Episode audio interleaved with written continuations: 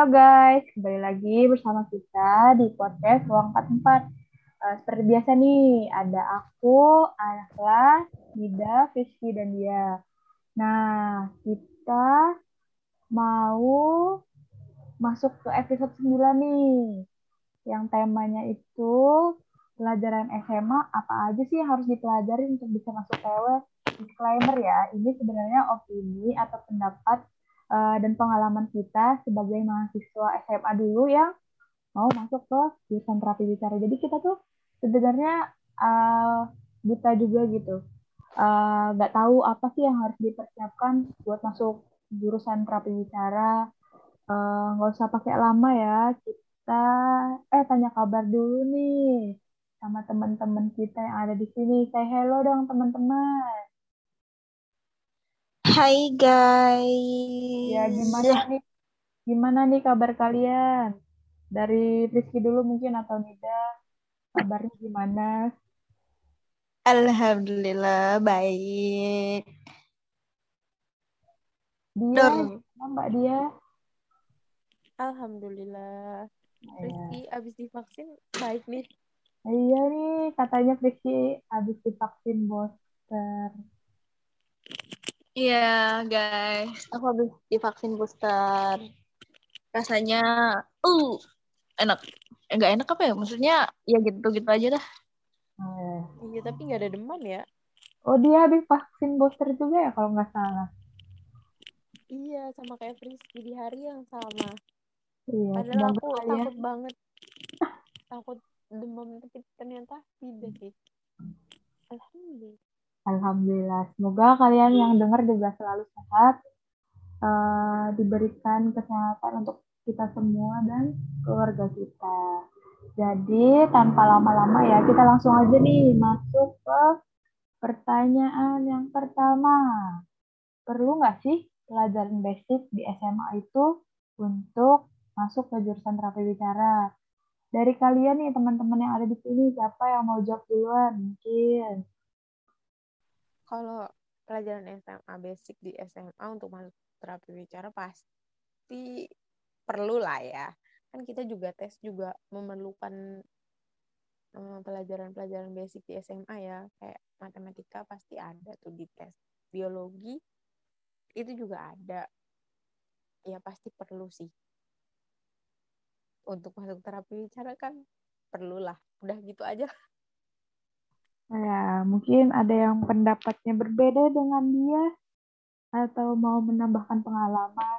Uh, sama sekalian mau ta mau kasih tahu nih ya, aku sebenarnya kalau masuk di Poltekkes tuh ada dua jalur guys.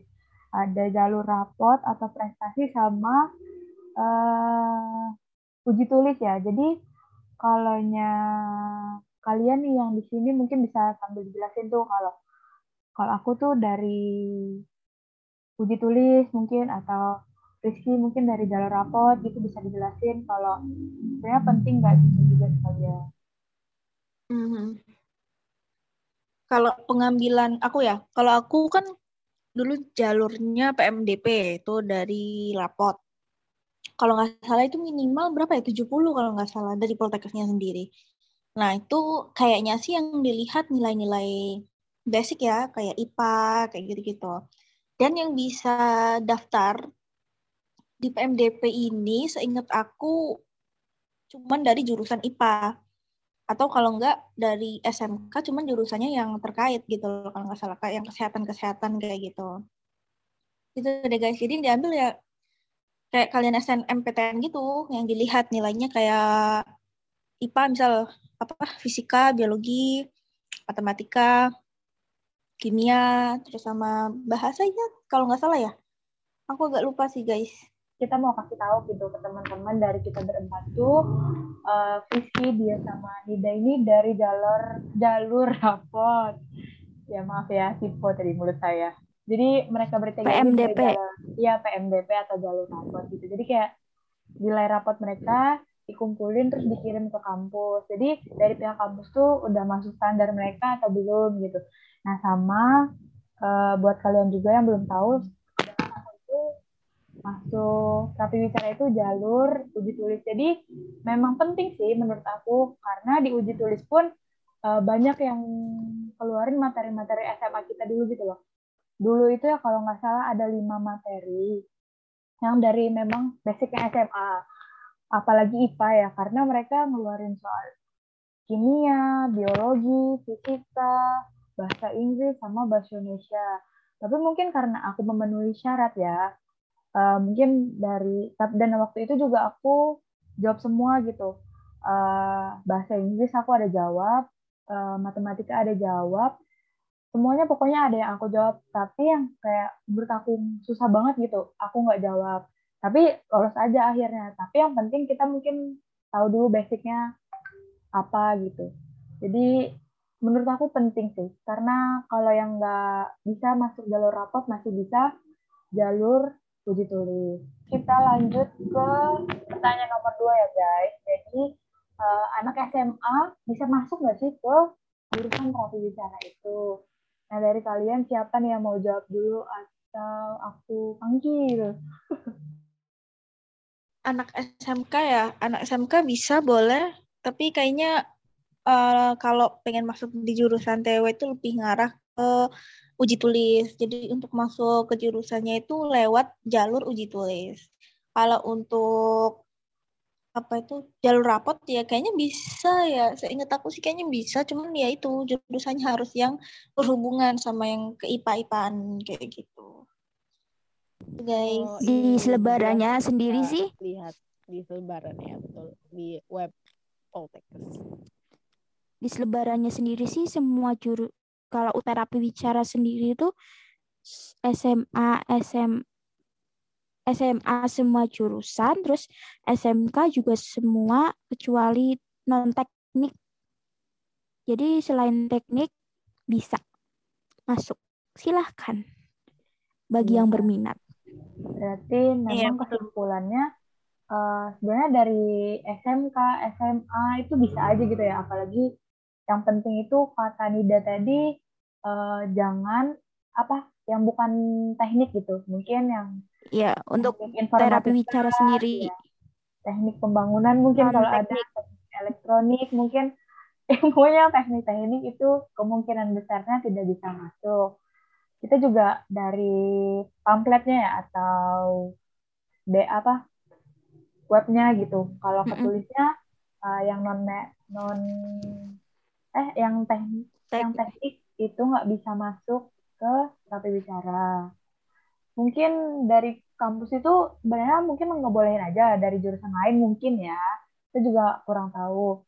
Tapi untuk terapi bicara lebih itunya spesifiknya gitu non teknik tuh nggak bisa masuk tapi SMK non kesehatan juga sebenarnya bisa masuk SMA dari IPS juga masuk jadi kalian yang dari SMA jangan berkecil hati bisa aja kok masuk terapi bicara dan kalau bisa pantengin aja webnya sama IG-nya biar tahu gitu yang masuk tuh bisa apa aja dari jurusan apa aja.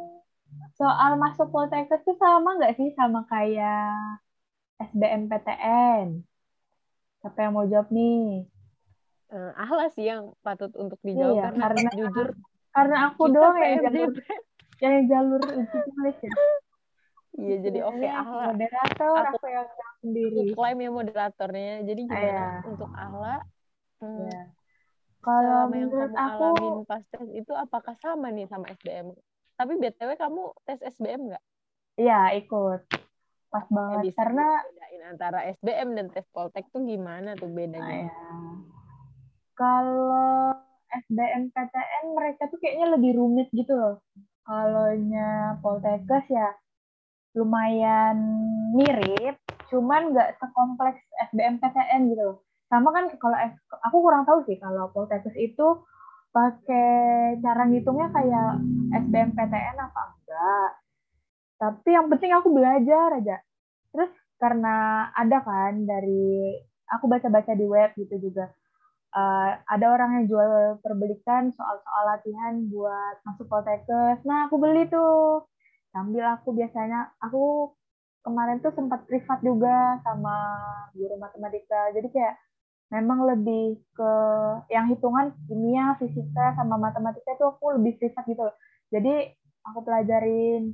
Jadi menurutku sama aja, tapi mungkin kerumitannya lebih rumit yang SBMPTN daripada Poltekkes. Dan lebih banyak SBM kayaknya. Kalau Poltekkes berapa ya soalnya? 100 apa? Berapa aku lupa juga. Tapi Iya, nyatanya iya. saya tidak lulus di SBM PTN, lulusnya di Poltekkes. Berarti Ah, kemampuan betul. saya di tingkat Poltekkes. Sudah takdirnya Anda bertemu dengan kita. Oh Ya, iya, betul. Dan takdir Tapi saya untuk berbicara di sini. Poltekkes tuh be- agak basic ya. Iya, mereka kayaknya basic-basic. banget emang sebenarnya susah banget. Dan BTW, soalnya itu juga kayaknya sama. Satu Poltekkes dan Poltekkes se-Indonesia. Karena waktu uji tulisnya pun barengan gitu. Sebenarnya bisa aja yang, aku kan di Kalimantan nih, bisa aja tuh tesnya di Poltekkes Kalimantan atau di Poltekkes Banjar. Jadi kayaknya soalnya sama. Ya, jadi kalau buat anak IPS atau SMK yang non kesehatan mungkin bisa lebih dipelajarin ke basic-basic yang kayak tadi kan kayak kimia, fisika, biologi, sama ya bahasa Inggris, matematika. Tapi kalau udah rezeki pasti lolos kok. Tenang aja. Aku mau tanya nih, Tanya ke siapa? tanya ke semua Oh iya iya. Kaget saya. apa itu dari pelajaran di SMA nih ya yang berguna di matkul TW itu pelajaran apa aja? Biologi dan bahasa Inggris. Ya, Betul sekali. Indonesia juga Biologi susunan. dan bahasa Inggris. Dan bahasa Tapi Inggris sangat tergun, Tapi untuk- terpakai. Biologinya sendiri sih nggak terlalu itu sih nggak terlalu apa sih namanya nggak terlalu berguna banget. Yang pokoknya berguna bahasa Inggris aja.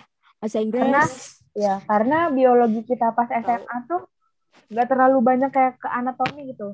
Soalnya mereka kan SMA itu kayak lebih umum gitu loh, kayak sampai tumbuhan masuk, DNA, yang pemeriksaan urin itu kan ibaratkan lebih lebih luas kan. Kalau kita kan lebih ke anatomi gitu. Fungsi-fungsinya, fungsional, anatomisnya. Tapi kalau sama bahasa pelajaran bahasa Indonesia. Tapi Kalau ya, bahasa Indonesia eh, itu em, mungkin belum nggak sespesifik waktu kita SMA ya. Kalau untuk anak jurusan bahasa Indonesia nih, yang waktu SMA mungkin udah mempelajarin lah kayak semantik, sintaksis, morfologi, kayak gitu-gitu kan. Tapi kita kan waktu selain ini kan kita bukan dari jurusan ini ya, bahasa ya. Jadi kita kayak pertama kali gitu loh dikenalin banget perbedaan antara fonologi, morfologi, sintaksis, semantik, pragmatik. Nah, gitu. Jadi berakhir sudah kita di podcast episode 9. Dengan temanya tadi, eh, pelajaran SMA apa yang harus dipelajari untuk bisa masuk ke terapi bicara. Nah, kesimpulannya adalah eh, tadi jalur pelajaran basic itu penting buat yang mau uji tulis. Karena jalur rapot tadi dari teman-teman yang Rizky, Nida, sama dia itu katanya yang bisa cuman anak IPA. Dan nilai rapotnya mungkin ada batas minimalnya. Nah, yang IPA dan batas minimal nilainya kurang, bisa aja tuh jalur tulis seperti aku. Jadi harus lebih banyak belajar lagi di basicnya tuh kayak matematika, bahasa Inggris, bahasa Indonesia, kimia, biologi, sama matematika. Jadi jangan berkecil hati. Terus yang SMK bisa aja masuk kecuali non teknik. Gak tahu ya peraturan sekarang dan peraturan tahun-tahun berikutnya.